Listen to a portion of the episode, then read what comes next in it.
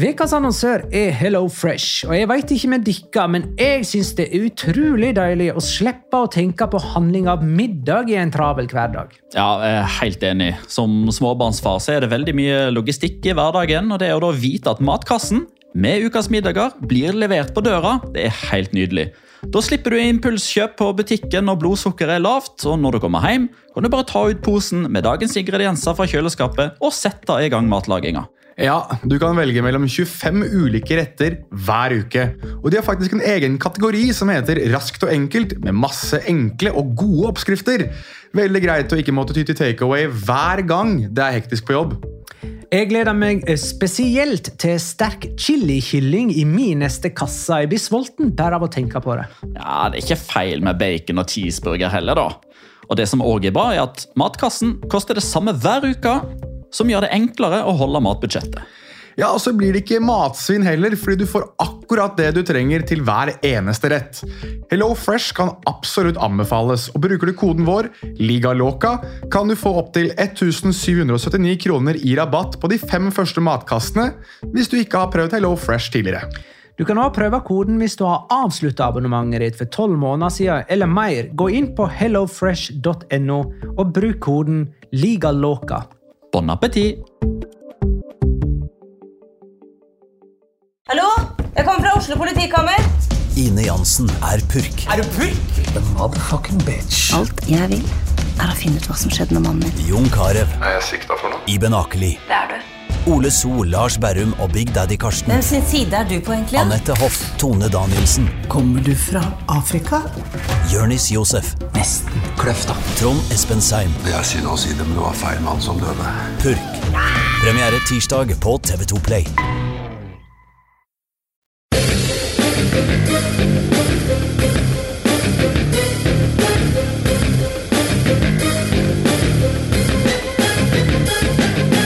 Har du sett?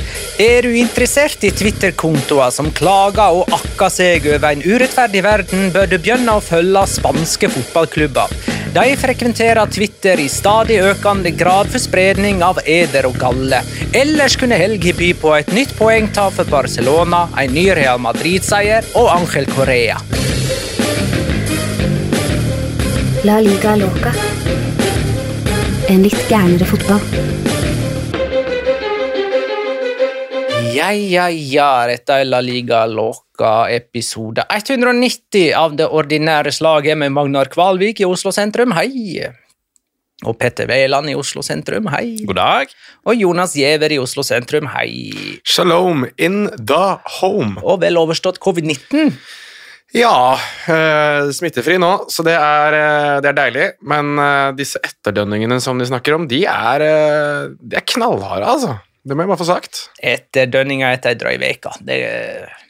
Etter to uker så går det bra. Jeg håper det. Ja, men vi håper og tror det.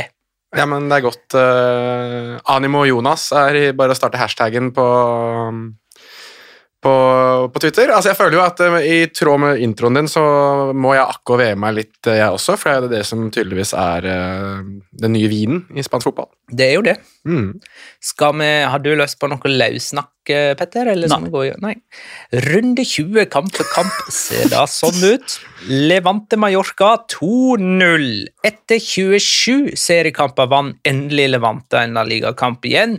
Rekorden med antall strake seriekamper uten seier i La Liga stopper altså offisielt nå på 27. Den forrige rekorden tilhørte Sporting Gijon på 24. Og José Luis Morales var med på denne enorme oppturen for eh, Levante. Han skåra sågar det avgjørende 2-0-målet, så hans individuelle rekord har òg nå et punktum bak seg. Ble det på 26? Det var 26, for han sto jo bare over den ene. Eh, Og det var, det var litt av et det var litt av et eh, punktum, et prikk over i-en han eh, satte på overtid på eh, det tiende touchet etter 96-35. Det var liksom bare Skulle, ven, skulle venta lengst mulig før Levante-supporterne kunne senka eh, hjertet ned fra halsen og tilbake til der det egentlig skal være. Ja, Jeg syns den kampen her var litt sånn Um, For en gangs skyld da, så hadde Levante marginene på sin side. Vi har jo snakket om, om de en del som en sånn altså Hvis du ser en del i kampene deres en gang til, og hvis du gjør det, så er det virkelig noe gærent med det, tenker jeg. Men uh, det er veldig mange av de kampene de ikke skulle ha tapt, da. Uh, og heller ikke spilt uavgjort, men faktisk vunnet. Uh, her så føler jeg at um, Altså Mallorca har ikke akkurat marginer på sin side. Va? Straffemiss eller strafferedning, alt ettersom eh, hvordan du ønsker å definere det. Ehm, så det er um, var litt, var litt sånn rar kamp, men for en gangs skyld så var det rar i favør Levante. Jeg syns det var bra at eh, de vant. Jeg Jeg vil ikke ha Levante ned. Det, jeg synes det er veldig mange årsaker til at Levante skal holde seg der oppe. Vi beholder et byderby, Ja. uh, med mindre Valencia plutselig skulle kuke det til. Det kan vi jo aldri helt uh, utelukke. eh, enda et regionalderby mot Villarreal, med mindre Magna sin spådom slash håp snart går i oppfyllelse. Men det er jo pga. måten de spiller på. da. Altså, de, de spiller jo interessante og morsomme fotballkamper helg ut og helg inn. Um, kontra f.eks. andre lag. da, uh, Skal forsøke å ikke la Jonas få uh, raljere i gang nå. Det kommer vi sikkert til til en 0-0-kamp senere. Uh, alle vet hvor lite glad jeg er i Kadis sin måte å praktisere idretten på. og Det er et par andre da, som vi mye heller ser ned enn Levante. Så det, det at de nå har satt ny La Liga-rekord i negativ forstand, 19 kamper i denne sesongen før de vant, og så er det bare fem poeng opp til Trygg, Trygg Grunn. Det er jo egentlig helt utrolig. Er det bare fem poeng opp til trygg grunn for Levante? Det det? Jeg kommer fram til sju. De Ja, har, ja, selvfølgelig. Det er pga. at Elche vant. Elche vant uh, mandag kveld. de, stemmer det? Ja. Det påvirker jo selvfølgelig den eh, ståa der. Uh, Levante sin neste motstander i La Liga er jo Cádiz. Uh, og du sier jo, Petter, at det er litt vanskelig, eller at du ikke liker måten Cádiz spiller på, men som vi skal komme tilbake til litt senere, det er ikke så lett å vite hvilken måte Cádiz spiller på framover. Nei. Vi hopper videre til Real Sociedad Celta Vigo 1-0. Oyar Sabal matchvinner for Real Sociedad, som òg stoppa ei leirekke uten seire, om enn ikke så lang som Levante si. Real Sociedad hadde seks kamper uten eh, seier. Eh, En morofakta der fra Pedrito Numeros. og Oyar Sabal har skåra 82 mål i sin profesjonelle karriere før han har fylt 25 år. Eh, Og en av motstanderne her, Iago Aspas, hadde ikke debutert i Primera engang før han var 25 år.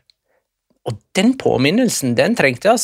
Jeg trodde Iago Aspas var yngre da han debuterte i Primera divisjon. 25, sa du? Han hadde eh, Ja.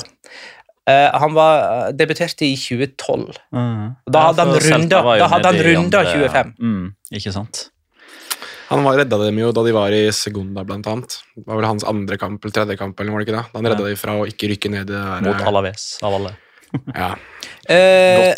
Rafinha debuterte for Real Sociedad, og jeg hadde nesten glemt eh, gode gamle Rafinha, som jo bare er 28 år, eh, på lån fra PSG.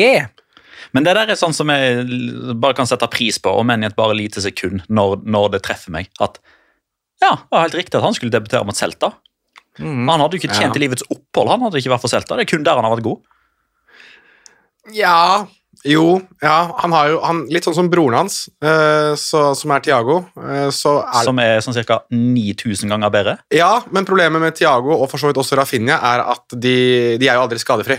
Altså, de er jo, det, det er alltid noe som plager dem. Ja, jeg er enig i at Tiago er bedre enn Rafinha, men for de som lurer på det, kan du søke opp på YouTube Rafinha Tiago Kids Tackles. Så kan du se hvordan de, Det er jo noen sånne hjemmevideoer av de to som grisetakler hverandre når de er sånn tre år gamle. Så det er ikke noe rart at de er kronisk skada. Og det var på Balaidos, var ikke det det? Det, det, kan være, klippet. ja. Fordi at de var jo eh, sønner av den andre, Alcantara, han som skåra og feira med vugga i VM. Massinho. Massinho! Mm. Jeg er ferdig med den kampen her jeg nå. Ja, eh, veldig lite å ta. Jeg ville egentlig bare også loggføre det som Petter var inne på, at eh, Rafinha debuterte, og det var det. Jeg syns ikke jeg så noen ting eh, av valør der. Og jeg gleder meg til vi har sett fem-seks kamper til med Rafinha, og vi sitter igjen med akkurat det samme. Han kommer ikke til å gjøre noen ting han, for det laget her. Ingenting. Nei, det er en ting til som må nevnes fra kampen, er skaden til Isak. Uh, han er nok sannsynligvis Ja, ute en ja. viss periode. Uh, jeg har prøvd å grave opp siste nytt her nå, men det er silencia total. Uh, og det er sjelden godt nytt når det gjelder skader, fordi der er klubbene veldig ofte raskt ute med Nei, slapp av, det er ikke så ille. Men den ankelen fikk kjørt seg i overkant, så da får vi jo håpe, sett med norske øyne, da, at en dugg frisk eh, i dobbeltforstand Alexander Sørloth kanskje kan ta vare på muligheten. da. Og Real Sociedad, som en gang var serieleder, og som falt utenfor topp fire, er nå nesten tilbake igjen innenfor topp fire. De er A-poeng med Atletico Madrid, som er nummer fire. Eh, Granada-Barcelona 1-1. Nesten kultfigur Luke de Jong sendte Barcelona i front før Gavi ble utvist og Granada utligna ved Antonio Puertas. Mer om det senere. Real Madrid-Valencia 4-1. The usual suspect skåra for Real Madrid. Benzema og Venicius med to hver. Mer om det og senere. Rayo Vallecano, Real Betis 1-1. Her skårer... Her skal vi ikke videre med det første. Nei, det er greit. Betis skåra først ved Canales, og så utligna Rayo ved Hva blir dette? Balju? Ja. Balju? Ja. Um, dette er en albaner fra Spania. Eh, Han spiller for det albanske landslaget. ja, han hadde to landskamper Ja. i 2017. Eh, Fordi at faren er albansk. Ja. Det, det er nesten sånn at uh, jeg ikke har lyst til å bruke landskoden ALB i statistikkene mine. Den er så syltynn, den albanske nasjonaliteten hans. Så Hvor mye slet du da med Kenan Kodro i sin tid, som var bosnisk? Men var basker? Jo, men han, fikk jo liksom, han var jo liksom inne i varmen en periode over eh, et langt strekke. Altså, Ivan Baljo har vært albaner i hva da, seks dager. Og så Du burde håpe du Men, at Stephen Cawker aldri drar til Premier League, nei, Premier League til La Liga, for han har nylig blitt uh, Sierra Leonsk. Ja, og Joffrey Kondogbia, som nå representerer Den sentralafrikanske republikken, som gjør at jeg må gå inn og endre fra FRA til SAR i alle dokumenter. Ja. Eh, Det var altså Canales som skåra for Betis, og Baljo, Baljo eh, for eh, Rayo. Og alt dette skjedde etter at Alex Moreno hadde fått rødt kort. Um, Real Betis-spilleren sparka eh, Hva heter han? Easy? Easy Palazon. Easy Balazon i hodet. Mm.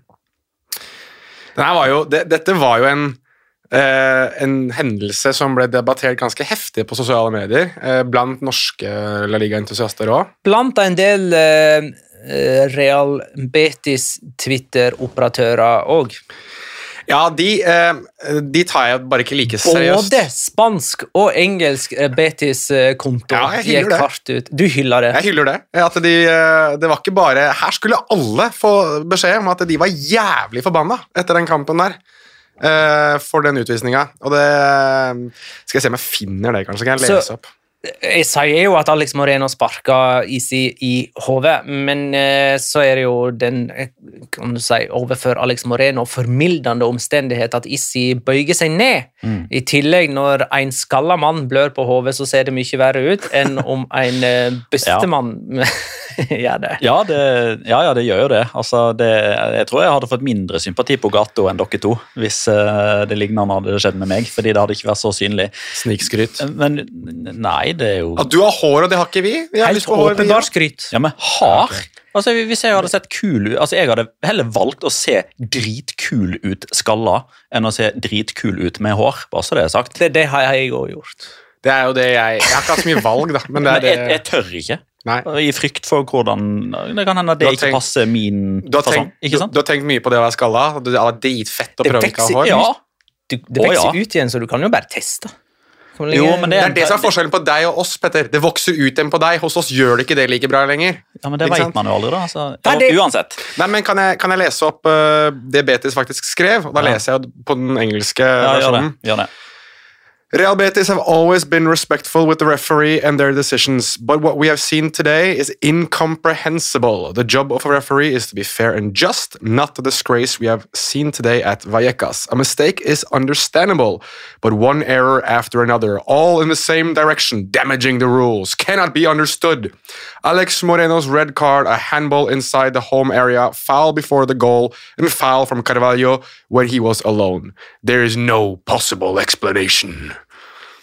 Eh, jeg synes jo eh, bare sånn, selvfølgelig litt sånn dramatisk innlevelse i opplesning, men jeg, jeg sitter og forestiller meg Manuel Pellegrini hamre løs på et tastatur, fordi han er jo en av de få kanskje her som snakker både engelsk og spansk. Eh, og han er vel kanskje også den som er mest framme i skoa på det å klage på dommere når de gjør noe feil, eller klage på noe når det ikke går i hans favør. Så en, en litt sånn keyboard warrior fra Chile er litt det jeg forestiller meg her. Men altså, det, det som er det som jeg sitter igjen med etter denne situasjonen, da, det er jo igjen da hvor enormt blåst opp ting blir. Altså at, at denne situasjonen her skal være det som trigger en sånn Twitter-melding. At det som vi skal snakke om senere, som skjedde på Santiago Bernabeu, skal trigge en tilsvarende sytemelding fra en annen La Liga-klubb. Altså, vi har lagt lista så lavt nå for når vi skal gå ut og brøle som sinte menn eh, mot dommere. Eh, men det jeg synes er interessant her, da, rent sånn dommerteknisk, er jo hva som skjer i løpet av de ca. 35-40 sekundene fra forseelsen skjer, eller situasjonen skjer, til han faktisk blir utvist. Eh, For jeg er veldig opptatt av at eh, protokoller skal følges, med at han skal eh, ha et, et Hva er det de kaller det for? Um, En prosedyre. Ja, altså en prosedyre, men altså, det spanske ordet er jo transparencia. Altså, Gjennomsiktighet, liksom. gjennomsiktighet. Altså, man, man skal vite hva som har skjedd her. Mm. Uh, og det som skjer, for å ta det kronologisk, er jo at Alex Moreno er uheldig og sparker Isi Palazón i hodet. Dommer benytter seg av fordelsparagrafen. Ergo har han der og da tatt beslutningen av at dette her er ikke juego brusco grave. altså Dette er ikke en alvorlig hendelse. Ei heller definerer han det som hodeskade, for han stopper ikke spillet etterpå heller. Det går 20 sekunder før han stopper spillet. Og så tar han ned i lomma og henter opp det gule kortet. Og så kommer det en bråte Rayo-spillere bort til han for å påvirke han, og han blir fly forbanna. Han ber absolutt alle som er i umiddelbar nærhet om å dra til et sted det er uhyre varmt, uansett om det er sommer eller vinter. Og så plutselig så henter han det røde kortet Ja, og gir det, når han ser reaksjonen til motspillere og blodet til Isi Palazon. Han har ikke under noen omstendigheter lov til å få beskjed på øra om at nei, nei, nei, nei, nei, det gule kortet som du er i ferd med å, med å gi nå, det må du bare legge bort. Dette er rødt. Da må han i så fall bort på eh, monitor og se. Og Det er nok en av årsakene til at Real Betis mener at denne situasjonen her er så gal. Det ble ikke gjort på riktig måte. Men eh, ja, Betis-kontoen um, og, og tweeten som Jonassen las opp ifra, var jo en, eh, en oppramsing av ting som gikk imot Betis i eh, denne kampen, og ikke bare den, det røde kortet. Ja, at det var en hens uh, inne i feltet. Og den hensen, hvorfor blir ikke det straffe? Ja, nei, det, Der òg tror jeg rett og slett at de mister litt fokus, fordi det kommer en ny situasjon rett etterpå som blir større, som blir mer intens. Eh, som gjør at man eh, kanskje er i ferd med å sjekke den her, men så skjer denne situasjonen her, og så oi, oi, oi, oi, oi! Og så går de og sjekker den i stedet, og så bare mister de oversikten litt. Grann. Eh, men ja, også, og, og Real Betis, og, og det støtter de på, selv, selv om jeg ikke syns det heller er verdt en tweet. Men den måten Nabil Fikir blir behandla på, med at han ikke får frispark nærmest uansett hva motstanderen gjør, og så lenge han ser på en motspiller som får en frispark imot, der ligger det et eller annet, altså om det er fordommer, eller om det er bare det at EVIS kunne et dårlig rykte, eller hva det er for noe, det vet jeg ikke. Eh, Det blir mer om Real Betis i Locoraen, kan jeg eh, love. Men eh, før vi går videre, så kan jeg jo nevne at de har nå tre seriekamper på rad uten seier. Og likevel så er det fremdeles nummer tre, da. Uh, Og dette var bare andre gang denne sesongen at Rayo avga poeng på heimebane. Eh, liker å nevne at det er ei luke nå i toppen. altså Det er Real Madrid og Sevilla som ligger øverst, og så er det ti poeng ned til Real Betis på tredje. Sevilla slo Getafe 1-0. Rafa Mir, matchvinner for Sevilla, som vant sin sjette 1-0-seier for sesongen. Det tror jeg er flest av alle i topp fem-serier. Ja. Eh, De slipper inn færre mål enn andre lag i topp fem-serier òg, og Rafa Mir er lagets toppskårer med seks mål i La Liga. Det er ganske lite for et lag som er nummer to på tabellen. Han har ikke eh, en Syria har han fem, da, eller? Han har ikke spilt på en har stund, da. nesten ikke Altså, den Påstanden min har jo gått uh, strak av veien. Jeg hadde vel han på 15 pluss eller noe sånt. Ja, men jeg bare mener at de kan ikke ligge så langt unna hverandre. Altså sånn at det Han har tre. Ja, tre, ja. Ja. Syria. Jeg tror han har hatt et par i Champions League. Ja, det er kanskje der jeg tenker det. At totalt så er, den, er det høyere. Jeg, altså, det er litt rart å si, men uh, Sevilla har blitt litt sånn tamme å se på, syns jeg. jeg synes det, de, de, er tamme, de vinner, altså de er effektive, og det er jo noe som eh, er et godt hallmark av et lag som skal utfordre for en tittel. At de spiller kjedelig fotball, men vinner.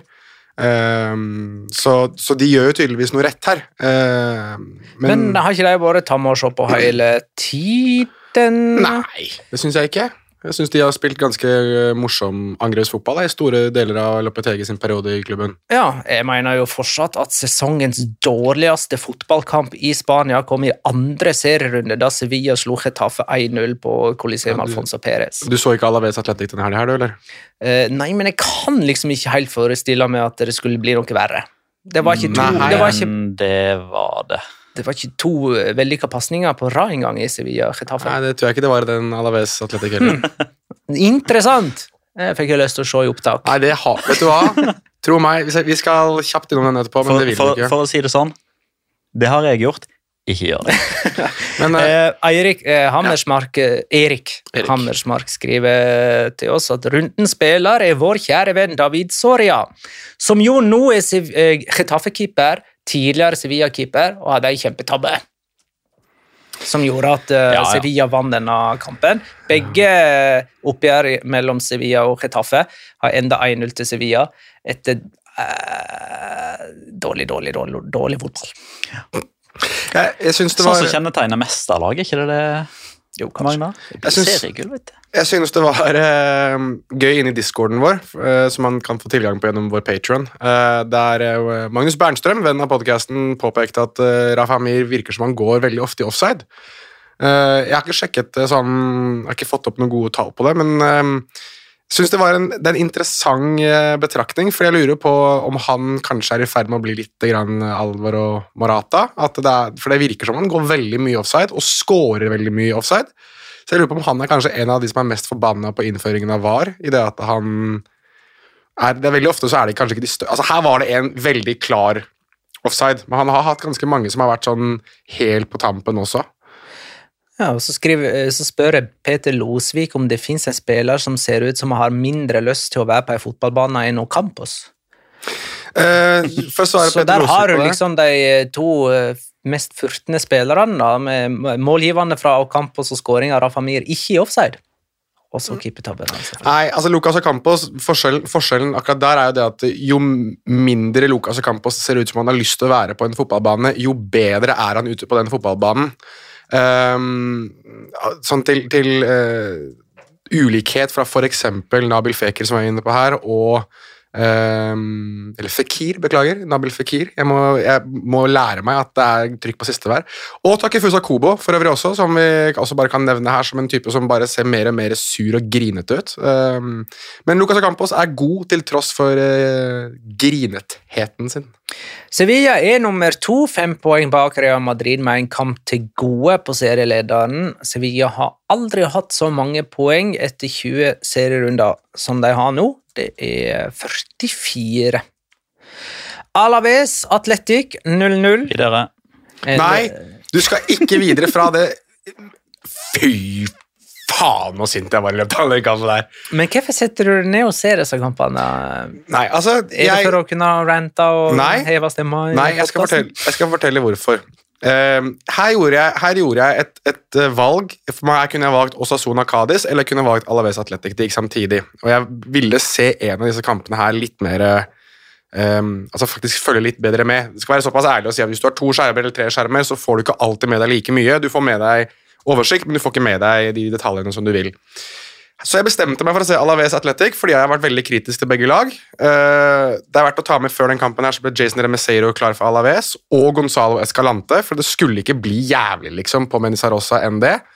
Eh, altså, den kampen her er Dette er kvalifisert faenskap, altså. Dette er helt grusomt. Det er den, det er den verste kampen i La Liga jeg tror jeg har sett siden vi startet den podkasten her. Det er altså noe av det største makkverket jeg har sett. Det er, det er ingenting positivt å hente ut av den kampen her. Ingenting. Jason Remisero blir skada i tillegg, han. bare sånn for å legge på enda mer. Det, det, altså Alt var grusomt i den kampen her. Alt! Det var Mendelibar mot Marcelino da, som kan forklare litt.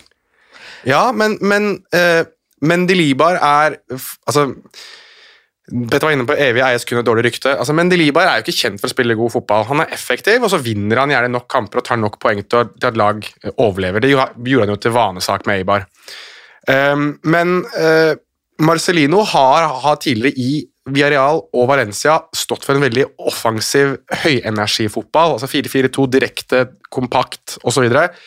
Alt det har bare forsvunnet det siste med, med Atletic, når de, i hvert fall når de møter Alaves. Altså, Oyan Sanset uh, har jo egentlig båret det, det offensive laget der de siste to serierundene. Altså, her er det, det, det er ingenting i den kampen her du kan ta med deg og tenke at dette var bra. Hvis noen av disse to trenerne her sitter og tenker at det er, at det er noe positivt å hente ut av det, så vil jeg at de skal ringe meg og forklare det, for da skjønner jeg ikke en skitt av hvordan fotball egentlig skal betraktes. Osasuna Cádiz 2-0. Ante Bodimir og Kikki Barca med målet for Osasuna. Enda et lag da, som stoppa ei leierekke uten seier. Deres rekke slutta på ti. Eh, De røyk jo òg ut av Copa del Rey for segundalaget Girona i løpet av denne perioden. Eh, Bare Osasuna sin andre heimeseier for eh, sesongen. El Sadar, som liksom skal være så vanskelig å besøke. Eh, Når det gjelder Cádiz, da, så fikk eh, deres trener Servera sparken mandag kveld. Og da Er det noen ny som har kommet inn der nå, eller? Nei, det er ingen som har kommet inn, med mindre det har vært noe det siste kvarteret. Ehm, De var veldig tidlig ute, Radio Marca, og mener at det var Sergio Gonzales eh, som ehm, Ja, det siste han gjorde, var jo å rykke ned fra La Liga med Valladolid. Åh, da har du den der karusellen av middelmådige Ja, ja. trenere igjen. Den er bekrefta, den, altså, så å si. Det var jo en presse, Ja, men det har ikke kommet uh, kommunikado offisiell. Nei, deres president Nå husker jeg ikke navnet hans i farta. Manuel Vizcaino. Ja, han var ute og sa det på pressekonferansen at de hadde spist middag med Sergio, og de var enige. At det var en muntlig enighet. Ja. Så det blir nok ikke så veldig mye gøyere å se Kadis, men litt blir det nok. Ja, da lurer jeg faktisk på hva de tenker. Eh, Men Servera, er han eh, offer for egen suksess, eller? Han fikk det jo opp. Ja, ja, på en måte, men samtidig så er det Altså, jeg hadde vært mer eh, jeg håper å si, såra av Vonbråten på hans vegne hvis dette var for et år siden, når det var i den første sesongen. Det er jo liksom Etter hvert som tida går, så havner jo flere og flere ting i glemmeboka. Men ja, han har jo tatt de opp fra Segunda B, eh, og han holdt plassen. Ikke mot alle odds, men det var en god prestasjon å holde det i La Liga forrige sesong. Men nå er det litt sånn at noen ganger så må man bare se hvor skipet er på vei hen. Eh, Og når det er i ferd med å dundre inn i et isfjell, så er det på tide å endre kurs. Eh, Og der er Kadis nå. For det er én ting er at de ikke lenger klarer å, eh, å eh, skvise ut poeng her og der, men at det, det, det er null reaksjon. Det er ikke noe mønster, det er ikke noe identitet. Den identiteten de hadde om at de liksom var solide, kompakte defensivt, og så kontra det inn en scoring osv., det er lenge siden jeg har sett nå. Ja, så skal de endre kurs med en ganske lik trener som ikke har et så kult skjegg og så kule briller. Nei, Blir en, sånn, blir en liten attraksjon fattigere, det blir man.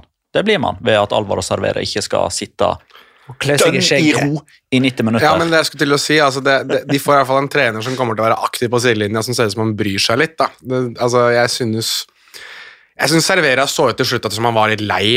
Altså At, at det, det, det hadde nådd eh, nådd sitt endepunkt for ganske lenge siden, men som du var inne på, Magnar, at eh, grunnen til at han kanskje satt litt lenger, var fordi at han er den største treneren i klubbens historie, i hvert fall ifølge veldig mange. Eh, I det at han tok de opp hele den reisen. Eh, og har gjort i hvert fall at de, de stabiliserte seg ganske greit forrige sesong, og så har de kanskje falt litt av nå i år. Men, men han Det satt nok veldig langt inn å sparke han, da. Selv om det egentlig burde kanskje vært gjort for fem runder siden. Villarreal Atletico Madrid 2-2. Nok en gang ender det altså 2-2 mellom disse to lagene, selv om Aisa Mandi ikke var med. Eh, vi, kommer, vi kan snakke mer om dette etterpå. Espanol Elche var mandagskamp. Det er jo litt moro at vi kan snakke om det òg. Eh, det endte 1-2. Elche altså med første seier borte mot Espanol på jeg tror det var 56 år, eller noe. Peremia skåra to mål for Elche. Raúl de Tomàs reduserte på straffe uten at det hjalp stort. Espanol-keeper Juan Garcia debuterte i La Liga og slapp inn to mål i løpet av sitt første kvarter i den karrieren. Ja, hva hen skal vi begynne når vi tar ting nærmere i øyesyn? Skal vi si Barcelona, da? Kan godt gjøre det. Det er jo Da, da gjør vi det. Ja. De spilte 1-1 borte mot eh, Granada. eh, vi nevnte det i forrige episode, at eh, Luke de Jong har potensial til å bli en kultfigur. Mm. jeg la som kriterium at da måtte han skåre mot Granada nå i helga. Det gjorde han. Også mot Real Madrid i Saudi Cup eh, onsdag denne veka. Da er han en kultfigur. Men nå har altså Barcelona prøvd med en høy mann, en eh, gammel mann, og, eh, og til og med pådra seg røde kort, og det, det hjelper søren i meg ikke å slå Granada. Nei, men i, i den kampen her så må vi huske hvem det er de trener, hvem som trener det andre laget. da. Altså at det er Robert Moreno som trener Granada. Han skal jo ha flaks, eh, selvfølgelig. Han er Eh, fetter Anton nå. han er, ja, men altså, det greiene der det, det, vi kødde, Jeg kødda med det, ikke vi. Jeg kødda med det i tidlig sesongen, men det er mye nå altså, hvor han flakser til seg resultater her og der. Det er, det er han som mest sannsynlig skulle ha fått sparken som en av de første i La Liga, Robert Moreno, som har klart å karre med seg sånne resultater som dette, som gjør at han får fornyet tillit. Um, men ja, altså Det er noe Jeg vet ikke helt, men, men jeg får alltid følelsen av at Barcelona skal slippe inn i alle kamper de spiller nå. Altså det, De tar ledelsen 1-0, men det er ingenting som tilsier at dette her kommer til Før, så, For Barcelona sin del, så, så virker det som at hvis de tok ledelsen, så hadde de en egen evne til å styre inn resultater. Altså Du sitter hele tiden og venter på at eh, de slipper inn. Det har blitt sånn hvis ikke de leder 2-3-4-0, liksom, så er det ikke safe. Jeg føler vi er inne på det der med eksempelets makt. Eh, At det, at det å møte Barcelona nå, det, det gjør ikke motstanderne redde lenger. Eh, og det er noe som er veldig skummelt å miste. Det er den grandiositeten som Milan i sin tid mista, som Manchester United har mista og fortsatt ikke klart å få tilbake igjen. Eh, som Arsenal post Wenger mista. Den identiteten som gjør at når det er Barcelona som står på motsatt banehalvdel, fram til for ja, ca. et år siden, da, så visste på mange måter alle motstanderklubber og alle motstanderspillere ok, greit, havner vi bakpå her nå, så er vi fucked. Fordi vi får ikke tak i ballen. Enkelt og greit. Dette klarer Barcelona å spille av. Vi løper rundt, vi blir slitne, frustrerte, irriterte, sinte, får ikke tak i ballen. Når vi først får den, så er vi så slitne at vi klarer ikke å gjøre noe med den.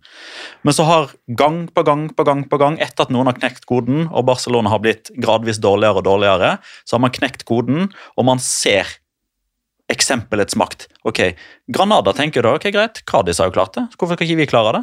Og så tenker Atletic ok, Granada har jo klart det. Hvorfor skal ikke vi klare det? Alaves tenker det. Levante tenker det. Det er ingen som er redde for å møte Barcelona lenger. Det eneste som er, eneste som er stort der akkurat nå, er navnet. Og akkurat nå så skremmer heller ikke navnet noen. Jeg tror, det var en ting du sa det, er, begynner å bli en del episoder siden nå, men som jeg har tenkt på veldig mye i etterkant, Petter, var at du sa at eh, Lionel Messi gjorde veldig mye for Barcelona offensivt, selvfølgelig i tallene og skåringer og målgivende og sånn, men han gjorde kanskje vel så mye defensivt, fordi hver eneste gang et lag angrep Barcelona, så vil man kanskje ha litt i bakhodet at oi, vi burde kanskje bare følge med på hvor Messi beveger seg også, i tilfelle det kommer en kontring imot, fordi han kommer til å være den som mest sannsynlig får ballen da og setter de i gang, og da er det to trekk, og så er vi, som du var inne på, fucked igjen. Andi, uh, Andoni Iraola, eh, som nå er Rayo-trener, han sa det som Atletic-spiller, at han måtte passe på Messi mens Atletic sjøl hadde ballen. Nettopp, og der, der har du det. Der, og, og det er jo sikkert noe av det som har gjort at den fair factoren til, til Barcelona har forsvunnet litt. da. At det er kanskje det største Messi tok med seg. Det at eh, du har ikke altså, Gud i to fotballsko ute på banen lenger. Altså, han er, han er borte. Eh, og da er det da er det litt friere spillerom. Da Da blir du kanskje noen centimeter høyere i situasjoner når du møter Barcelona, istedenfor å føle at du har en sånn der gigantisk argentinsk skygge som hviler over deg. Men nå har jeg jo et nytt ess i ermet med Dani Alves uh, tilbake. Han ble tidenes eldste Barcelona-spiller i en alder av 38 år og 247 dager. Leverte målgivende til Luc de Jong. Uh, han påminner vel både om hva Barcelona en gang var. Altså, han- er jo tross alt tidenes mestvinnende fotballspiller. Mm. og hva Barcelona er i dag, når de signerer en snart 39 år gammel høyreback. Det, som, det er rart da, at vi snakker, snakker januar 2022, og altså, en av skåringene til Barcelona er Dani Alves som slår inn til Luke de Jong. Det er, Ja, ja, ja, det er altså, sykdomstegn, altså. Det er eh, Altså, jeg syns jo Jeg vet ikke om noen har det som Locora, men hvis jeg stjeler det, så beklager jeg. Men altså, Daniel Alvesens siste målgivende for Barcelona var jo eh, 14. mai 2016, altså i La Liga. Og det var jo borte mot Granada. Hans første da målgivende tilbake var eh, 8. januar 2022, da også borte mot Granada. Eh, den gang, Peter korrigerte meg jo på Twitter, den gangen så ga han den målgivende til Luis Suárez. Denne gangen spilte han mot Luis Suárez. Eh, 2065 dager mellom de to, og jeg mener eh, det, det, der hører, altså Back to the future, ja, det være én ting, og tilbake til det som var fantastisk. Her er det bare kanskje til og med en sånn derre påpekning om at eh, det har vært ganske på stedet hvil en periode i Barcelona, når, når Dani Alves kan komme inn og gjøre en endring i den alderen han er i, mener jeg. Det har jo stoppet opp litt, altså. Ja, ja, absolutt. Og så har altså Barcelona skåra åtte mål på HV og er det mest skårende laget i så henseende. Og nå har jeg tale og veit hvem som har skåra disse målene. Luke de Jong har skåra to, Araujo to, Piquet, Breathwaite, Memphis Depay og På hodet? Ja. Sistemann med én, han òg. Nico Gonzales, kanskje? Nei. Var det han der unggutten? Ja, så veldig ung er ikke han, men han var jo helt ny fra B-laget. Jutkla? Jutkla? Ja, Ja. der ser du. Gavi fikk rødt kort og er tidenes nest yngste Barcelona-spiller som får rødt kort etter Nest yngste, Ansu Fati. Nei, Ah, nei, han er tredje Mark yngst. Moniesa. Moniesa. Moniesa og Ansu Fati på tredje. De har Ja. topp tre i La Liga de på 2000-tallet. Ja, tre 17-åringer eh, i ganske moderne tid, alle sammen, har fått eh, rødt kort. Eh, og Gavi har vel hatt en sånn spillestil hele veien. Han, han sklitakla i hist og pist. Ja. Var det for øvrig Mark Moniesa da han ble utvist, at hele Barcelona-benken bare nesten attakkerte dommeren? Jeg mener, huske det. At det var sånn Han fikk jo direkte rødt for en takling, Mark Moniesa, i sin tid. Og ja. Guardiola ble vist på tribunen etterpå. Det det husker jeg ikke. Det, jeg mener å huske at det var det som skjedde. Eh, vi kan uh... Spilte, han- spilte han så lenge i Stoke at vi kaller han Mark? altså? Jeg husker at jeg alltid har hatt han som Mark Moniesa, er det ikke det? Mark? Mark Moniesa, da. Barcelona møter altså Real Madrid på onsdag, og der skåra Luke de Jong i sin tredje kamp på rad. Granada, det som altså var Barcelonas motstander her, eh, har sju seriekamper på rad uten tap, og det er tangering deres lengste rekka gjennom primæra Primera-historien. Tenk at Robert Moreno ble historisk i positiv Ja, forstand. tenk det Altså altså. fetter Anton, altså. Og altså. det er første gang at Granada unngår tap i begge kamper mot Barcelona i en og samme sesong. Det ble jo 1-1 på kamp nå òg. Ja, for sesongen og kampen før der så vant de jo 2-1, så det er jo tre på rad. Det var tre på rad. Eh, Coutinho til Aston Villa, da? Dæven for en eh, decline. Altså det, den- Den snøballen der for fort nedover Sierra Nevada-fjellsiden, altså. Det er Altså jeg prøvde, jeg prøvde å tenke over uh, hvem som har vært verre sånn signeringsmessig for Barcelona. Jeg tror endelig Dmitrij Tsjigrynskij har fått seg sin overmann. Jeg. jeg tror virkelig at vi kan bare sta Og jeg leste at det var en, uh, en enighet om en kjøpssum på 40 millioner euro. Kosta ikke å ha noe sånn 180 millioner euro i samlet sum til Liverpool hvis alle altså Nå har åpenbart ingen av de klausulene har jo ikke gått opp, da, men samtidig, altså det var liksom avtalen Coutinho ble solgt på. Mm. Og nå er det 40 millioner euro til sommeren. Ja.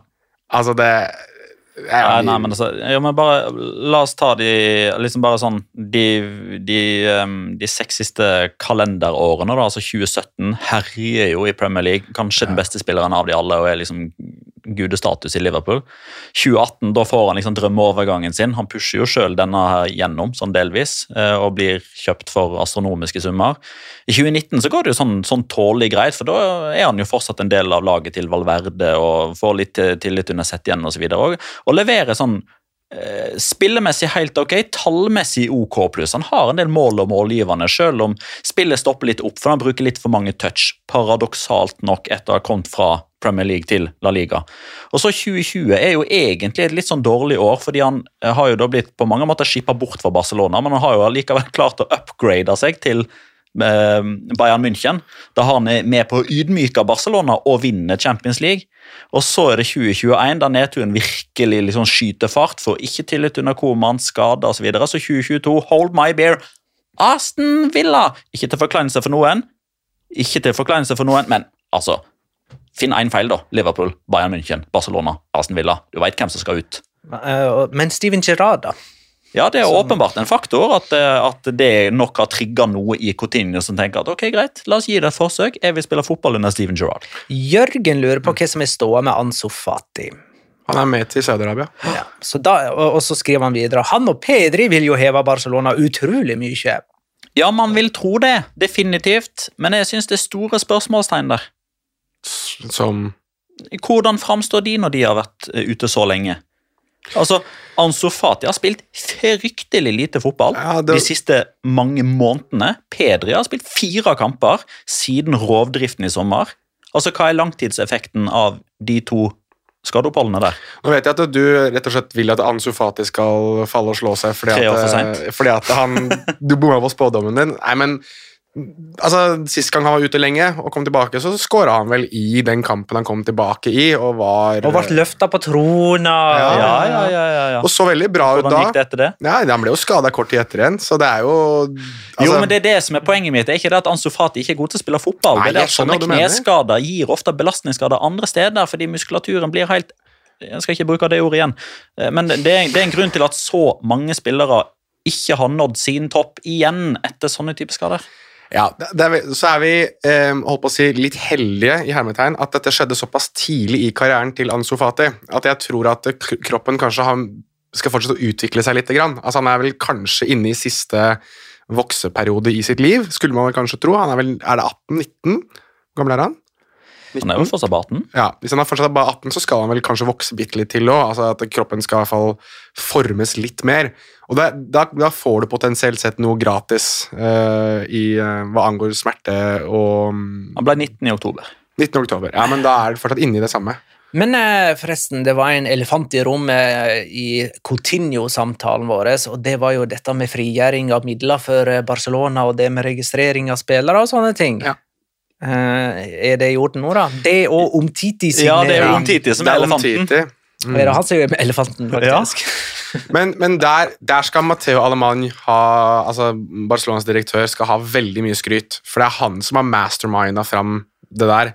Uh, i hvert fall Slik jeg har lest og slik jeg har forstått, så er det han som har på en måte fått Omtiti til å senke lønna si mot å signere en ny avtale, og således kunne registrere Ferran Torres. Så han skal ha en del eh, Skulle tro at Peter Lim og Valencia hadde skjønt litt bedre før de tuppa han ut av klubben, men eh, han virker som en glup type, denne Alemann.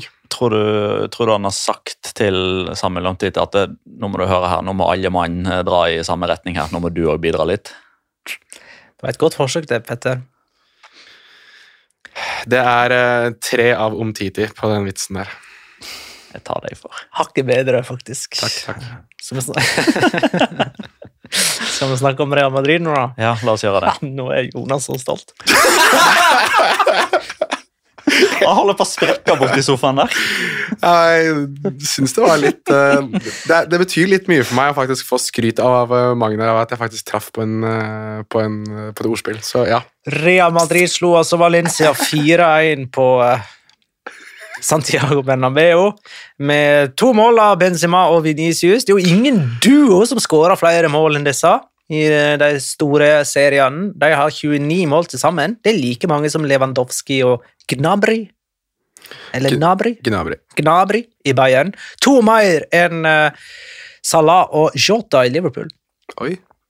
Mm. Så er det vel sikkert et hav mer enn Mbappé og Messi, regner jeg med.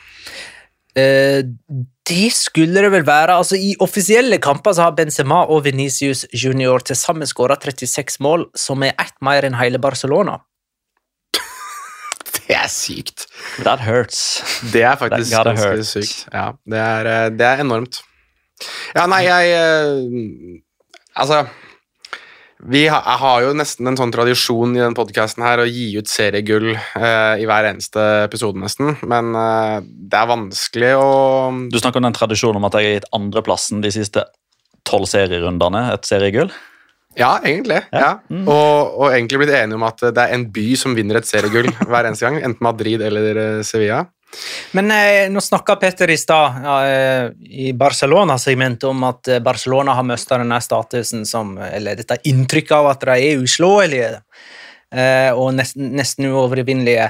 Men det syns jeg egentlig eh, Jeg har ikke det inntrykket av Real Madrid heller, at de kan liksom entre i banen og innkassere tre poeng. Det, det virker for meg som at som eh, motstandere faktisk tror de kan ta dem. Ja, ja, Men eh, så klarer de likevel å, å levere ganske sterkt, da. Og Valencia skuffa jo etter straffesparket her, eh, vil jeg jo si, da. Altså, en, en ting som jeg, jeg syns Real Madrid ikke har fått nok skryt for, er at de har bevist så ettertrykkelig som institusjon at det er større enn hvilken som helst fotballspiller i verden. Da Cristiano Ronaldo forlot den klubben, så begynte Real Madrid allerede å planlegge litt grann hvordan de skulle gå videre fra det. Ja, det, det tok litt tid, og, og de har på en måte måttet finne sin identitet på nytt, og de har altså Ramos-sagaen og alle de tingene her altså de, har vært, de har vært mye i Real Madrid òg, men de har alltid vært klare på det at Real Madrid er størst, eventuelt Florentino Perez er størst. Barcelona har bygget så mye av sin eh, moderne identitet på Lionel Messi, på at Messi sånn og Messi ditt og Messi datt, at da Lionel Messi egentlig utenfor deres plan bare forsvant, så virket det som Barcelona bare ramla sammen som institusjon også, og sliter med å finne seg selv på ny. Ja, jeg tror de har riktig eh, president i John Laporta som kan gjenfinne noe av det, men de er mange, mange mil bak Real Madrid i det å faktisk gjenreise sin institusjon. Der, er- der syns jeg Real Madrid skal ha ekstremt mye skryt, og det er ingen som snakker om Cristiano Ronaldo eller Sergio Ramos eller Gareth Bale for så vidt, eller spillere som de har brukt mye penger på, slik som vi nettopp snakket om Coutinho, fordi Real Madrid som institusjon har klart å gå videre så effektivt, så kjapt og så mange ganger som følge av store endringer i klubben. Eh, Real Madrid fikk en diskutabel straffe på stillingen 0-0 her. Det var vel Alderete i duell med Casemiro. Ja, Eh, eh, og ja. i, i den anledning så vil du, Petter, snakke om dommeren. Ja, jeg vil det. En eh, aldri så liten historie. Eh, For dommeroppsettet kommer jo som alltid torsdag klokka tolv. Ja. Klokka 14.12 så kom den første artikkelen. Det, og Dette presenteres da som en nyhetsartikkel hos AS. Fokuserer på at det er fire år siden Hernandez Hernandez har dømt Real Madrid på hjemmebane. Der kommer første faktafeilen, by the way. Eh, hva skjedde i den kampen der? Man skulle jo nesten tro at her var det skandale og ramaskrik og Madrid tapte. Nei da, den kampen vant Real Madrid 5-2 mot Real Sociedad. Dette var før VAR-tida. Som sagt, han har dømt i ti kamper siden det, ni borte og én på Valdebebas. Men Real Madrid spilte visst ikke hjemme de, da. Så det har ikke noe å si. det. Nei, det var på Barnabeo han er tilbake igjen på nå. Ok, men Hva skjedde i den kampen på Valdebebas? da? Jo, de slo Villarreal 2-1 og ble seriemester. Og så trekker de selvfølgelig fram et par klassiko-episoder og en VAR-situasjon mot Atletico Madrid. Alt som går imot Real Madrid, selvfølgelig. Uh, og kom også med en liste med grandes hits uh, på Alejandro Hernandez Hernandez på feil han har gjort. Ny dag, nye muligheter. Nå er det fredag. Da er det Super Deporte, Valencia-basert avis. Nå skal de slå tilbake. Artikkelen åpner som følge. Hernandez Hernandez liker ikke Real Madrid, men han liker Valencia enda mindre. Og I disse to artiklene her så kommer det jo fram da, som sagt, at eh, Hernandez Hernandez ikke har dømt Real Madrid på Santiago Bernabeu på fire år. og Siden da så har han dømt ti kamper med Real Madrid involvert. AS trekker fram at Real Madrid kun har vunnet fem av de, fordi det er fire, fire uavgjort og ett tap. Superdeporte trekker selvfølgelig fram at Madrid kun har tapt én av de ti. Så kom det en ny artikkel litt senere på ettermiddagen fra Super Deporte. Cuidado, nå er maskineriet i hovedstaden i gang. Oh, ja. Her kommer konspirasjonsteoriene, som blir ytterligere beskrevet i en kronikk på lørdag, med alle avgjørelser som har gått i favør av Real Madrid de siste fire årene. Og så, kom, så starter jo kampen, da. Og da er det altså, horder av Twitter-kontoer som allerede har copy-pasta inn skjellsord. Hva var det jeg sa? Robo, arbitro de mierda. Og, og de bare venter på en situasjon inn i en av 16-meterne. Altså, de bare venter på det. Og så er det Casemiro og Alderete som kolliderer. Det er en sånn subjektiv vurdering. Er det straffe? Er det ikke straffe? Dommer tar en avgjørelse. Og da hamrer de løs og spytter, fiker både til høyre og venstre. Dette er en 50-50-situasjon. Det er ikke en skandale, det er en subjektiv dommeravgjørelse. Det kan dømmes, det kan ikke dømmes. Hernandez Hernandez velger å blåse ut fra sin posisjon, blåser straffe til Real Madrid. Og da er Twitter-bermen i gang. Ah, det er så typisk Real Madrid å få straffe på Bernabeu! Dette var den andre straffen de fikk denne sesongen. De ligger nederst av alle. De har fått tre straffespark siden januar 2021. Det er færrest av alle. I løpet av samme tidsperiode så har motstanderne fått ni straffespark. Ni. Twitter koker. Mr. Julio, som er en ganske kjent Valencia-twitrer, han drar fram en forskningsrapport som viser at personer med dobbelt etternavn, sånn som Hernandez Hernandez, har større sjanse i prosent til å bli syk eller bli født med diverse diagnoser. Madrid-fansen mener det er klink straffe, Valencia mener at det er frispark til foreslår Og så, og så kommer Valencia sin Twitter-konto. Som de siste 250 dagene har vært en sensur-Twitter-konto som ikke har åpna for at vanlige folk kan svare på tweetsene deres. Og skrive disse ranene i Madrid begynner å bli en vane, eller hva? Money Heist? Eller Casa de Papel? Eller Papirhuset, hvis du vil. Og så er det Santiago Canizares, da, stakkaren som har spilt for begge disse to klubbene, som sitter i Cadena Corpe-studio og skal mene noe om dette her. Han mener at det å blåse straffe var feil, men at tweeten til Valencia er beklagelig.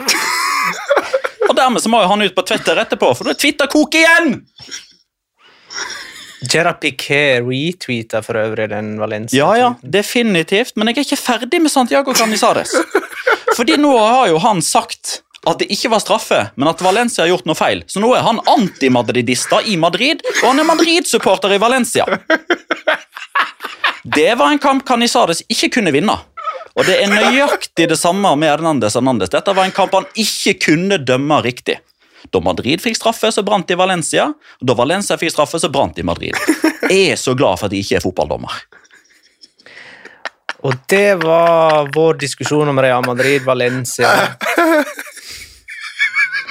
Uh, Atleti Nei, sorry, jeg tar det riktig. Villarreal Atletico endte 2-2. Um, her leda Atletico Madrid 1-0 etter at Angel Correa skåra fra 51 meter, og så snudde via Villarreal kampen med mål av Pau Torres og Alberto Moreno, for Kondogbia utligna, og der har du tre målskårere som ikke er målskårere. Skjønt, Alberto Moreno har jo faktisk seks mål for Villarreal denne sesongen. Ja, det er ganske sjukt. Etter å ha skåra null de siste fem årene. Men, men, men det som er interessant der, eh, det har jeg reflektert over litt før jeg hørte på The Spanish Football Podcast på vei innover, for de tok opp det samme liksom delvis poenget der. Altså, hva er egentlig Alberto Moreno? For han er ikke venstreback. Han er ikke venstreving. Han er ikke indreløper. Altså, han, bare, han bare er der et eller annet sted ute til venstre. Noen ganger så er han høyeste mann på banen, og så er han plutselig dobbel dekning bakerst oppi den andre. Liksom. Ja, Han skåra jo som en spiss, faktisk. Gjennombrudd Mm. inn i bakrommet. Ja, ja. Han er um, Altså, han, han, ty han er tydeligvis klart å bli inspirert av uh, Jules Condé, da. Altså, Condé har jo holdt på sånn i en par år nå. Litt mindre nå de siste par uh, Siste sesongen nå, i hvert fall. Men da han kom til Sevilla Det husker vel sikkert det, at jeg satt jo og lurte på hvilken, posisjon er det han egentlig spiller, for han var jo overalt. Det er litt uh, Alberto Moreno har blitt. Og det er kanskje det Kanskje det er det som er uh, det forløsende med Alberto Moreno. Altså han, har jo, han var veldig god som unggutt i Sevilla, og så ramla han sammen egentlig i Liverpool, og egentlig bare ramla fra, altså fra opphold til opphold, virker det som nesten. Han var ute på fotballbanen. Hvilken posisjon spiller du? Nei, jeg spiller fotball. Eh, litt synd at Angel Korea ikke skåra fra 1,5 meter lenger bak, eller sånn at det ble fra egen banale banehalvdel.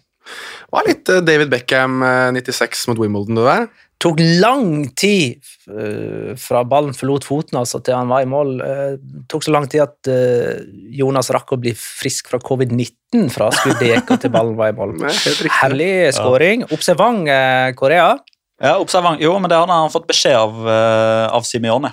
Ja, han hadde gitt beskjed om at Rolly står langt ute, så hvis vi vinner ballen høyt eller inne på egen halvdel, kikk opp og se om han står langt ute. Det skjedde jo det omvendte oppgjøret òg, ikke nødvendigvis på samme måte, men det er jo en litt for offensiv Rolly som skal ut og hente istedenfor å bli stående. Og det samme skjedde jo da Villarreal da faktisk det, Der tok jo jeg feil igjen. Eh, Jeg sa jo at eh, oppturen til Villarreal kom til å fortsette med Sporting Gijon, og så kommer nedturen mot Atletico Madrid. De røyk jo ut mot Sporting Gijon. Eh, Jeg advarte det- deg mot Ja, du gjorde det, men jeg, jeg, altså, ulv, ulv. Jeg hører på deg lenger når det gjelder Villarreal. Uh, Uros Djordjevic sin utligning var jo òg altså, Han dempa ballen på brystet, og så banka han i mål på volley fra 25 litt skrått ut til høyre fordi Roli hadde beveget seg vekk fra der han egentlig burde vært. Syns, eh, men jeg, jeg altså Angel Correa hadde jo en annen her òg, som han ble tatt i offside på. hvor Han sto med ryggen til og hælklakka ballen i mål. Og Det var vel eh, kommentator Endre Olav Osnes som sa det at eh, eh, altså, altså, det var, helt, altså var, var det han som sa det, eller leste det på Discord? At hvis han hadde skåret der, så kunne han bare legge opp, for da hadde han skåra de to beste målene i sin, sin karriere uansett. Altså, det var jo Men det flyter, go- det flyter godt for han for tida. da, To mål i kampen i forveien mot Rayo. Ny kontrakt nå, Ja, som det- er kjempefortjent. Ja, men det skal flyte godt for ham nå i kanskje en serierunde eller to til, og så skal du ikke høre om han resten av sesongen. Ja. Ja, det er sant. Det, det, det, det er to spillere som har en eh, La Liga-rekord på, eh, på- på eh, 2000-tallet. Eh, altså dette århundret, eventuelt årtusenet. Eh, de har skåra i 37 kamper, og laget deres har ikke tapt noen. Det er Angel Correa og Det er et veldig åpent spørsmål, men, Jeg tror jeg vet det. Uh, vet du det? jeg vet ikke. Kjør på det. ja, men jeg vil gjerne at Jonas skal si det. Mhm. Vi vil at du skal si det, Jonas. Spiller som har scora, men Han har skåra i 37 forskjellige kamper i La Liga, ja. og laget hans har ikke tapt noen av dem. Ja, på rad, sant? Altså, Ja, I altså, strekk. det er tydeligvis Altså, det er de 37 kampene de har skåra i. Altså, de har skåra flere mål, men de har skåret i, i- ja, kamper. Det er alle kampene de har skåra i. I, i, I La Liga. Mm. Nei, jeg vet ikke om det her er det. Ja, tenk, tenk deg litt om. Er det jeg, si klubb, da. Ja, Du dissa han i forrige episode. Og Hvem er det jeg før der. Hvem er det jeg- Ja, men Hvem er det jeg ikke disser, da? den Aktuelt for Størst- Barcelona. Det var den derfor du dissa største hakkekyllingen din ved siden av Nordin Amrabat. Uh, Alvaro Morata? Riktig. Ok.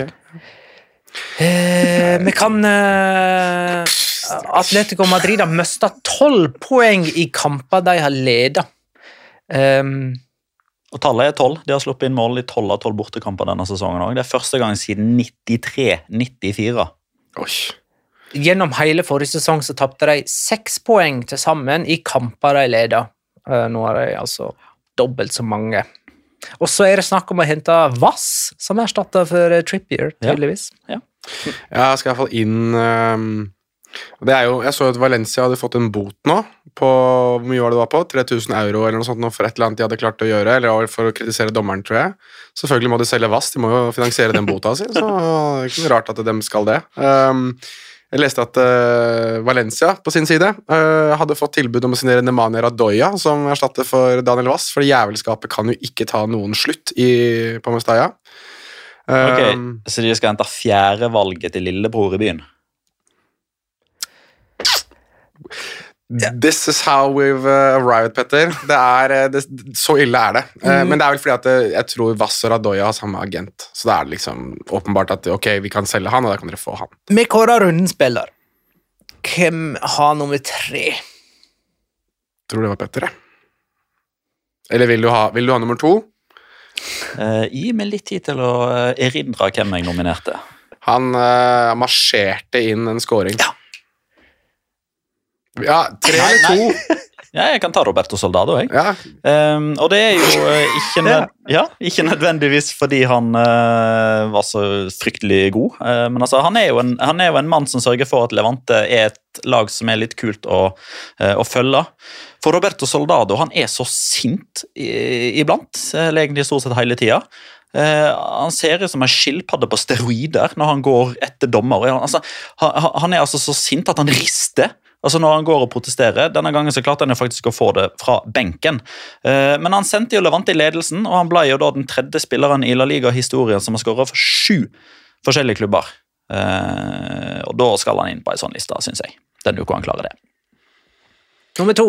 Eh, nummer to eh, jeg, For øvrig, bare så jeg har tatt eh, Han nevnte, det nevnes i spansk press at eh, Valencia og Atletico Madrid kan gjennomføre en byttehandel. Muligens. At Daniel Vass Sime. Nei, Daniel Vass går til Atletico Madrid, og Hector Herrera går andre veien.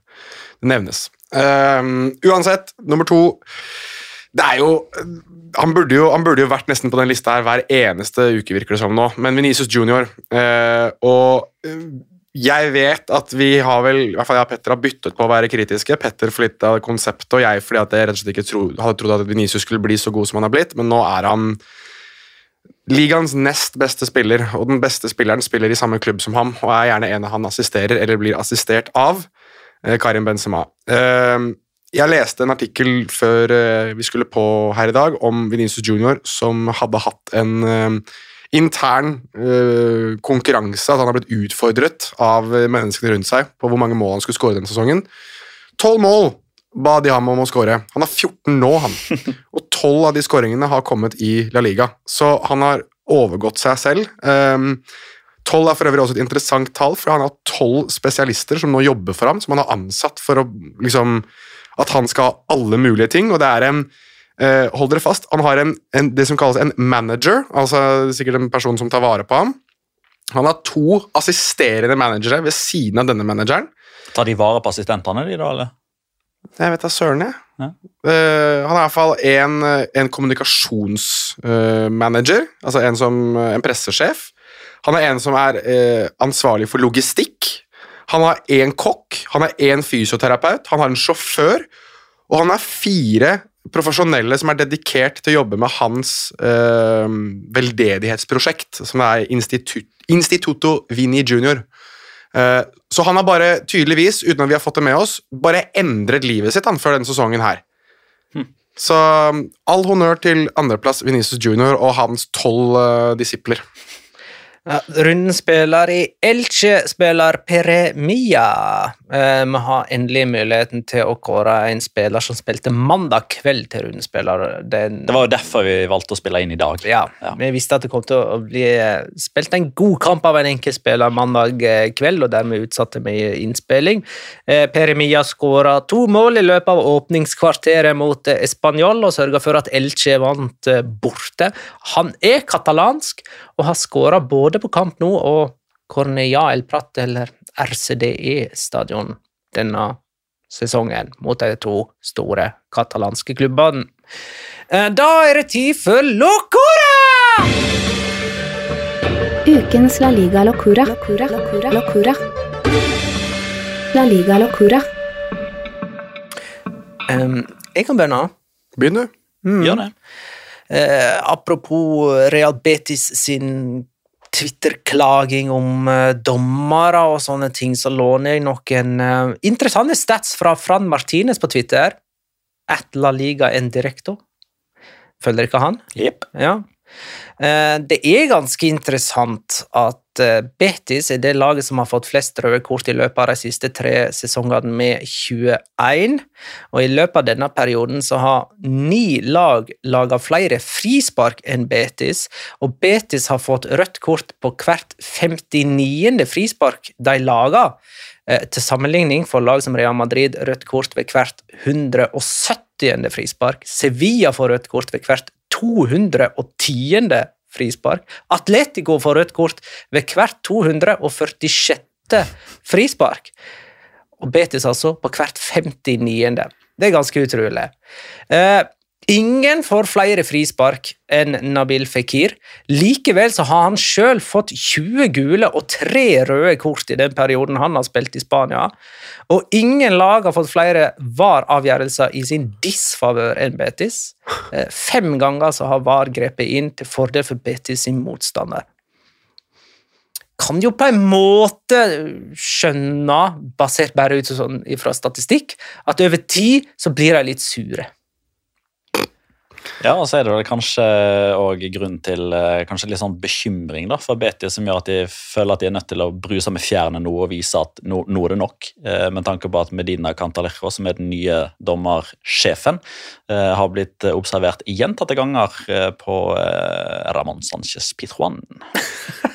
Å, Han er herregud. Sevilla-supporter. Så du skal ikke Du gleder deg til å framføre en sånn ny runde med avisen i Spania om han også? Men eh, det er greit nok. Tall er jo én ting. Eh, kanskje de skal lære seg å takle bedre. Takle ryddigere, takle mindre ufint. Ja, jo, jo, men det, det, altså det, det er interessante tall, definitivt. Men det, slår meg litt som at eh, Altså, eh, la oss si at du har en problem, et problembarn på skolen som har havna hos rektor eh, 14 ganger, eh, og så er det et, et annet barn som bare har havna der én gang. Eh, og så sier han å, det er så urettferdig, for jeg har havna hos rektor 14 ganger. Ja, men du fortjente å havne hos rektor 14 ganger. Det har ikke han andre gjort. Derfor har ikke han vært hos rektor. Hvem er neste Locora? Jeg kan, jeg kan fortsette på det, fordi eh, vi kaller jo podkasten for La Liga Loca.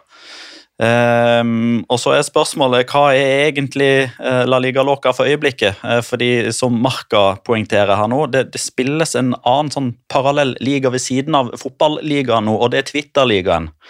Um, fordi i større og større grad dette har, Vi har jo tatt opp dette her før. Marka definerer det som noe helt nytt. Det er det jo ikke. Dette har pågått en stund med Atletico Madrid som skriver på Twitter at de ikke vet hva hens er. Uh, og så kontrer dommersjefen med nei, men kanskje dere skulle stilt opp på det seminaret vi inviterte dere til. Du har fått jævlig nok du, rett og slett, av sutringa til lag på Twitter. Nei, ikke nødvendigvis. Nei, men jeg synes det er interessant, fordi uh, vi har vært innom Valencia, Mm. som har vært ute. Vi har vært innom Betis, som har vært ute. Da har jo Claudio Bravo, som sitter hjemme i koronaisolasjon, og har jo også sagt at det, altså det, det kom en artikkel fra Al Final de la Palmera, som er Betis-seksjonen i eh, Diario de Sevilla, eh, som skriver at eh, ja, nå kan Betis vente seg den og den bota ut ifra eh, hvordan reglementet er. Eh, og så skriver Claudio Bravo er ikke det bedre at de bruker de pengene på å liksom, eh, gjøre dommerne litt bedre, da, istedenfor å bøtelegge oss for å si sannheten. Så han har vært ute og meldt. Eh, Valencia og Real Betis, som sagt. Forrige helg til og med Un Club Senior kanskje den mest seniore av alle, Real Sociedad, som bare legger ut en tweet med et videoklipp med penalty i ekspulsjon. Punto, med den der Alexander Isak på vei gjennom. Ja, ja. Sjøl de har begynt. Og så har du denne eh, litt sånn krangelen da, som ble overført på sosiale medier og pressekonferanse mellom Unai Emery og Jedad Piquet på, på søndag kvelden, der Piquet da har løfta opp denne Valencia-tweeten og skapt liksom enda mer eh, brann i, i det teltet der. Eh, og det får jo eh, Emery spørsmål om, altså liksom hva, hva syns han om dette her, og han svarer jo at han syns det er rart at det, det, det er underlig og det er trist at Piquet lurer folk. fordi da han var her og spilte fotball for noen måneder siden, så fikk ikke han eh, straffe imot seg på noe som er klar og tydelig hens. Eh, og nå eh, skal han liksom lure folk til å, til å tro at liksom alt er en konspirasjonsteori osv. Uh, dette er jo pga. at Viareal da får en scoring annullert pga. at Dani Parejo kanskje eller kanskje ikke er borti ballen med hånda. Uh, og Piquet svarer jo samtidig han svarer jo på dette her da, men altså, Og det sier en person som selv tre år etter klager på dommeren dette 1-6-tapet. La det gå nå, å nei. Ja, det er galskap. Eh, Jonas, Ja, jeg er litt mellom to øh, Jeg er litt mellom to Locora, så jeg er litt usikker på hvilken av dem jeg har lyst til å gå for. Ta den beste, du. Jeg syns, jeg syns det der banterlaget mitt i Barcelona var ganske bra, for det skapte mye debatt på, på Twitter. Eh, men jeg, eh, vi kan ta sikkert det som en episode for eksempel på fotball-TV, om det verste Barcelona-laget noensinne. Eh, så jeg tar heller eh, Jeg tar Gerard Piquet, som jeg syns eh, Han hadde en, en finurlig og morsom greie på sosiale medier nå, hvor eh, var vel Juiz Luis Canut på, på katalansk TV som eh, meldte veldig hardt om hvor mye penger eh, Gerard Piquet og en del andre spillere tjente.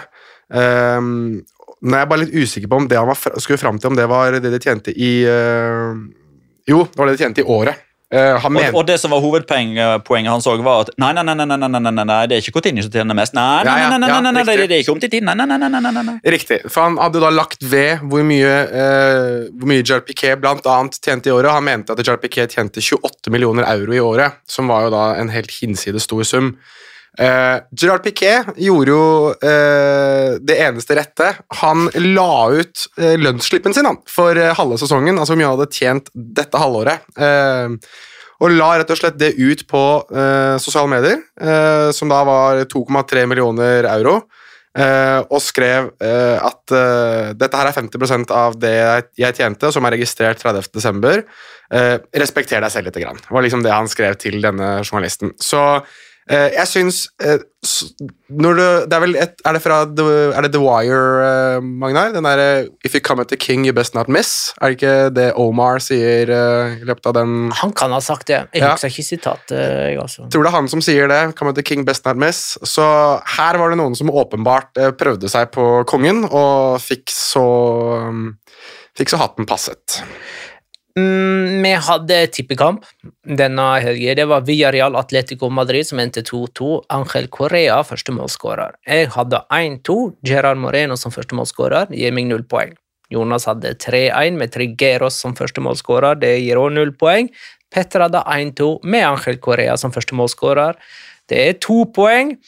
Eh, Jeg har 22, Petter har 15 og Jonas har 13. Jeg er usikker på hva som er neste kamp. eh, Nei, det må jo nesten bli en klassiker, da, med tanke på at det er en ekstremt eh, liten og uh, lite innholdsrik La Liga-runde til helga pga. Supercupen. Skal vi Er det Barcelona eller Real Madrid som har oppført hjemme? Barcelona. Barcelona hjemme. Har du sagt Petter? At det er en innholdsløs kamp, eller runde som kommer nå til helga? Mm. Altså jeg inn oss løs, men fattig Valencia-Sevilla er ikke så dum, da.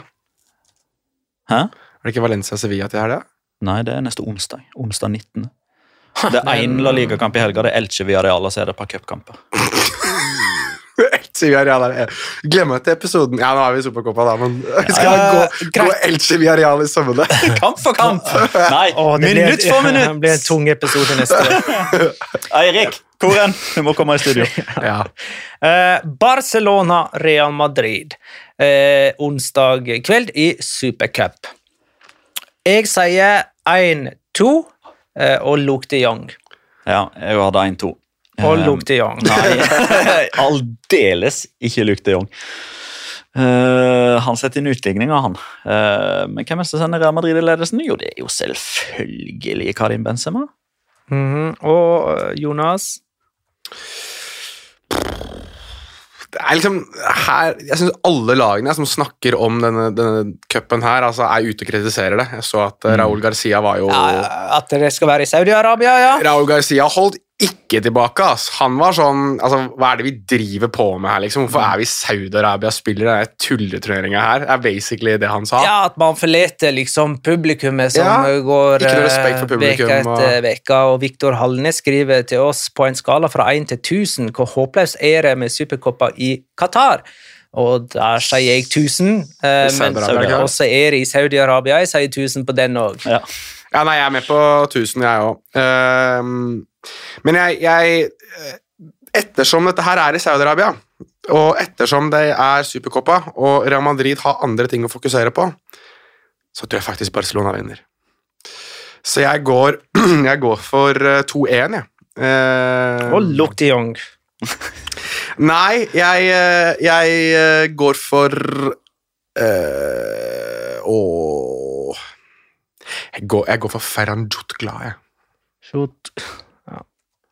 Blir du så glad hvis Jeg blir så glad hvis han scorer. Da er vi ferdig! Hei! Tuss! Kan vi ikke bare si noe Nei, nå har vi drevet på i over en time og ti minutter. Patreon.com slash La Liga Loca. Der er det faktisk, der er det faktisk halvsesongens lag, og de fortjener bedre 11 som ligger ute. Pluss skråblikk, pluss charla, pluss oddstips. Pluss mer. Pluss gå inn og gi oss pengene dine! Tusen takk for at du lytta, kjære lytter. Ha det, da.